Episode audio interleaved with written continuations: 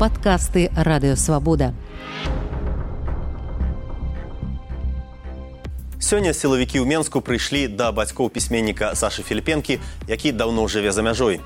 Бацьку Філіпенкі затрымалі, дома забралі ўсю тэхніку. Пра тое, як людзей у Беларусі фактычна бяруць у закладнікі, мы пагутарым у сённяшняй праграме падзеі каментар на канале Свабода прэміум. З вами Алексей Знаткевич. І з намі на сувязі пісьменнік Саша Філіпенка. Саша вітаю і дзякую вам вялікі, што знайшлі час пагутарыць у гэтай драматычнай сітуацыі. Добрый дзень.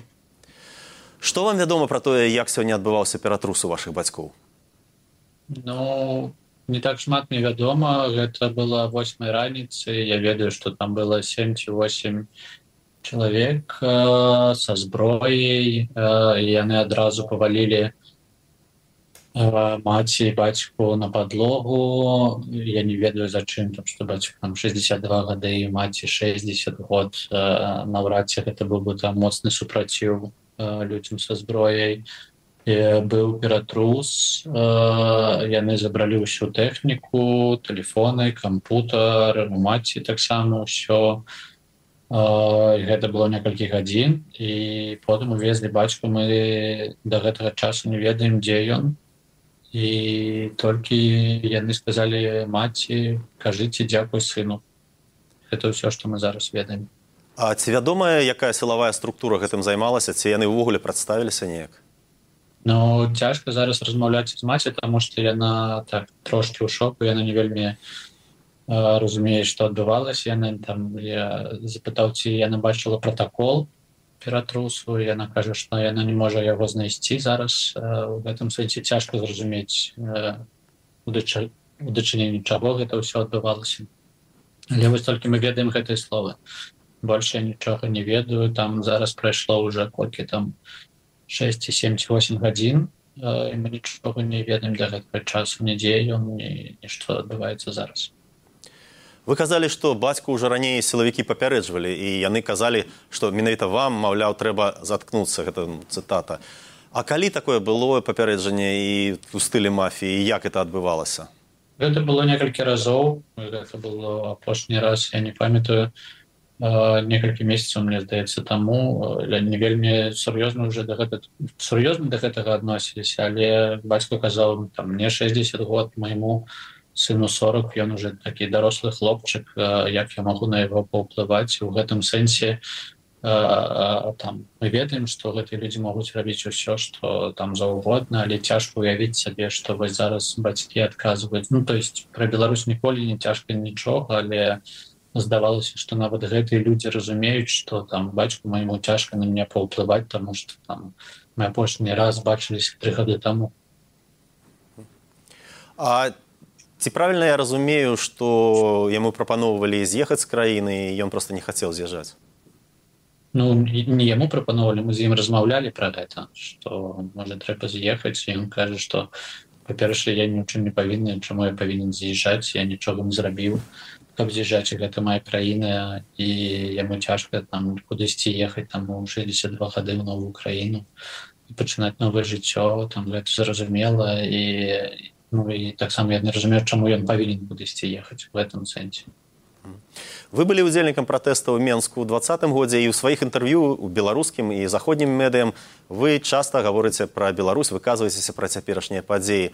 Ці вядома вам ці можа быть у вас есть здагадкі што магло найбольш раззлаваць сілавікоў і прадстаўнікоў лукашэнкаўскага рэжыму ўвогуле не ведаю но мне здаецца што не трэба цікавіцца гэтым таму што ўсё што адбываецца зараз гэта недапушчальна і гэтага не павінна адбывацца. У гэтым ця... сэнсе цяжка я не ведаю я шмат чаго пішу але гэта кожны раз э, гэта просто фото таго што адбываецца ў нашай краіне гэта люстэрка. і ў гэтым сэнсе я просто пішу і про тое что адбываецца я не ведаю на што разлаваліся там. Зараз кажу што вось разлаваліся там на адмену чэмпіоната свету по хакея але гэта было там шмат то не ведаю там толькі яны ведаюць что там для іх кропкай стала. Вы свядома і давно выбралі вось гэтую стратэгію публічнасці і наколькі разумею не збіраецеся ад яе адмаўляцца. Э, я так правильно разумею так Ну было б дзіўна адмаўляцца калі твой бацька ў закладніках зараз дзіўна адмаўляцца ад гэтага. Мне здаецца што трэба і далей казаць пра тое што адбываецца вось што адбываецца з людзьмі якія просто опісваюць сітуацыю ў краіне.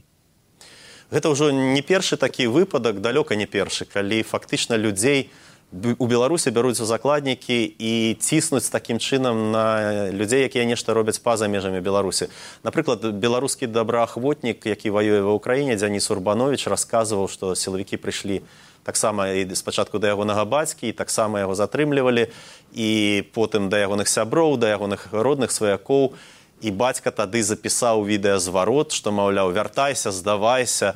Але таксама мне здаецца што за кожным такім ось э, выпадкам калі мы ведаем пра такія сітуацыі можа стаяць і выпадак калі людзі не гавораць пра гэта калі такі ціск адбываецца і гэта не апублічваецца. Вось што б вы сказалі такім людзям які суткнуліся з гэтым і маўчаць?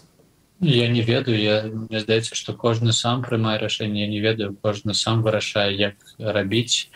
Для мяне ў гэтым сэнсе не было пытання Таму што мне здаецца, што ўсе павінны ведаць, што там кожны дзень адбываецца ў Беларусі як я магу не казаць пра тое, што адбываецца з маім бацькай.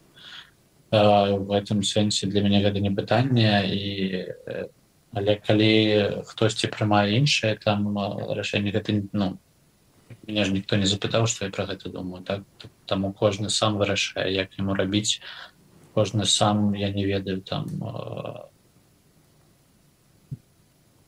там кожны сам напэўна лепш разумее сітуацыю як там як яму трэба быць сваімі там блізкімі да людзьмі. В гэтым сэнсе вось я вырашыў так рабіць для мяне не было да там аніякага другого рашэння. У вашай п'есе ціхары прэм'ера якой адбывалася гэтым летам і якая працягвае паказвацца там ад адбывалася сітуацыя калі лекара судзяць за тое што ён адмовіўся ў двадцатым годзе лекаваць амапаўца а судзяць яго праз 10 гадоў. Вось на вашу думку гэтыя рэпрэсіі супраць беларусаў яны будуць узмацняцца працягвацца нават калі не будзе там новых актаў пратэсту новага новых актаў супраціву канешне таму што яны павінны кожны дзень паказваць э, беларусам што рэпрэсіі не не спыняюцца таму што калі там беларусы пачуюць што гэтыя рэпрэсіі спыніліся зноў могуць пачацца пратэсты.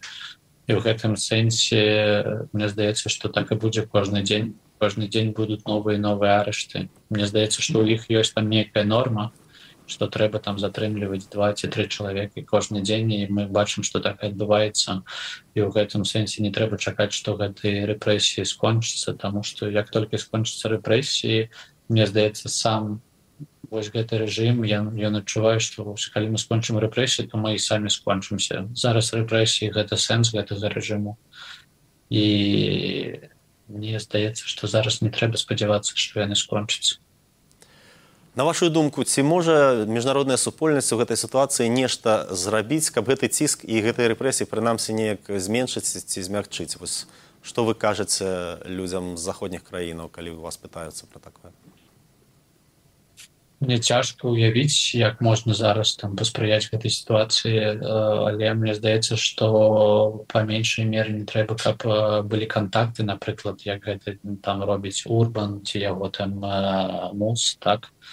Мне здаецца што Еўропы там і ў міжнароднай супольнасці павінна быць адзіная пазіцыя да таго што там мы ведаем хто там павінен быць прэзідэнтам Рэспублікі Беларусь мы ведаем што Лукашенко прайграў гэтыя выбары і мы ведаем што зараз у беларусі працягваюцца рэпрэсіі уже трэці год.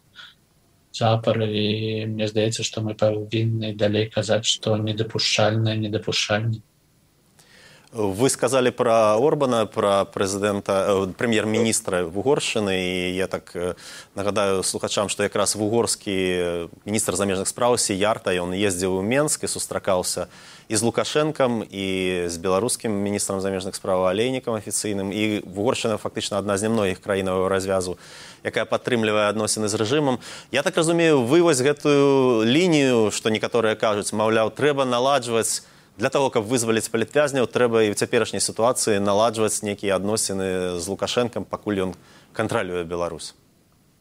Ну, па-перша мне падаецца што ўсё ж таки гэта неафіцыйныя прадстаўнікі беларусі гэта просто людзі якія захапілі ўладу по-другое мы бачым кожны дзень што калі на волі на свабодзе там апынаюцца палітвязні мы бачым што кожны дзень на іх месца прыходзіць новыя палітвязні і ў гэтым сэнсе я не бачу што там гэта можа на нешта паўплываць ці сітуацыя зменіцца гэта рэжым у яго там я не ведаю есть нейкая норма про якую я казаў і кожны дзень будзе сидзець столькі сколькі патрэбна і мы бачым што гэта такі кірмаш і просто людзі гэта такі я не ведаю товар якім можна там расплачвацца за санкцыі ці яшчэ за нешта в гэтым сэнсе ну там я не ведаю там я не дыпламат я пісьменнік але мне падаецца што няма ніякага сэнсу размаўляць тэрарыстамі.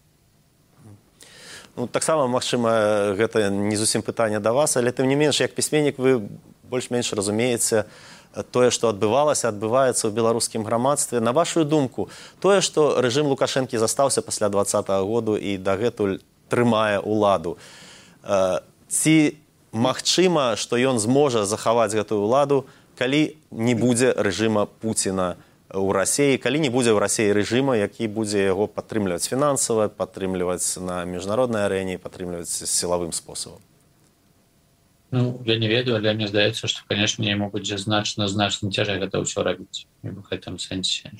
Зараз цяжка уявіць што ў рассіі не будзе рэжыма пуціна там, там гэта такое пытанне ведаць філасофская вельмі ну, я выбачаюся што вас перабіў я просто хочу удакладніць ёсць такая думка што нават калі зменіцца ўлада ў рассіі і не будзе вось гэтай цяперашняй падтрымкі ўжо сфармавалася вось такое кола сілавікоў нейкіх чыноўнікаў унутры беларусі якія настолькі трымаюцца за гэтую сістэму настолькі трымаюцца за гэтую ўладу што нават у гэтых умовах яны будуць шукаць нейкія спосабы захаваць гэтую сістэму і змогуць яе захаваць. Так вось пытанне да вас як да чалавека які ну все ж таки адчувае грамадскія настроі наколькі на вашу думку яны змогуць гэта зрабіць? Ну мне падаецца што безумоўна яны будуць там усялякімі спосабамі пытацца ўтрымаць уладу таму што калі яны не ўтрымаюць ім прыйдзецца адказваць за тое што адбываецца кожны дзень за тое што зараз адбываецца з маім бацькам прыйдзецца за ўсё адказваць і ў гэтым сэнсе конечно яны будуць трымацца да апошняй хвіліны за гэтую ўладу. Мне падаецца што канешне калі не будзе москвы будзе значна цяжэй гэта дарабіць і маё апошняе пытанне вось на вашу думку як і што варта мяняць у беларусі каб вось гэтая сістэма не засталася і потым не трансфармавалася ў нешта падобнае ў будучыні мы павінны па-перша кожны дзень працягваць казаць і мы павінны усе гэтыя пытанні якія перад намі нам трэба шукаць мы там зразумелі што там мы рабілі тое рабілі тое што гэта не працуе і напэўна нам трэба шукаць нейкія новыя нейкі новы выйсці з гэтай сітуацыі. Таксама там мы ж не, няма ж такой прафесіі там прафесійных рэвалюцыянераў так і там калі нас параўноўваюць з Украінай ці нас параўноўваюць з іншымі краінамі мне падаецца што гэта э, ну не трэба рабіць таму што у нас свой кейс і нам трэба разважаць пра тое как там знайсці выхад з гэтай сітуацыі і працягваць гэтую барацьбу кожны як можа там я не ведаю сабатажам ці не сабатажам ці там кожны там я не ведаю кожны павінен насіць свой ці не павінен калі мне гэта не трэба але свой нейкі такі кавалак у гэтую барацьбу і в гэтым сэнсе мне здаецца што трэба не спыняцца і працягваць рабіць сваю працу на будучыню то як кожны я прымаю сам Дзякуй вялікі за гутарку. Дякую. І я нагадаю, з намі на сувязі быў пісьменнік Саша Філіпенка. Сёння да ягоных бацькоў з раніцы прыйшлі сілавікі, бацьку затрымалі, канфіскавалі тэхніку. І фактычна маці сказалі, што гэта ўсё пра сына і раней бацьку папярэджвалі, каб сын заткнуўся гэта цытата. сілавікі папярэджвалі і вось цяпер фактычна взялі бацьку ў закладнікі. Вы на канале свабода прэміум гэта была падзея і каментар з вами быў алексей знаткевич не губляйся свабоды вы слухали падкаст радыёвабода усе падкасты свабоды ў інтэрнэце на адрасе свабода кропка орг Штодня, у любы час, у любым месцы, калі зручна вам. Свабода.орг. Ваша свабода.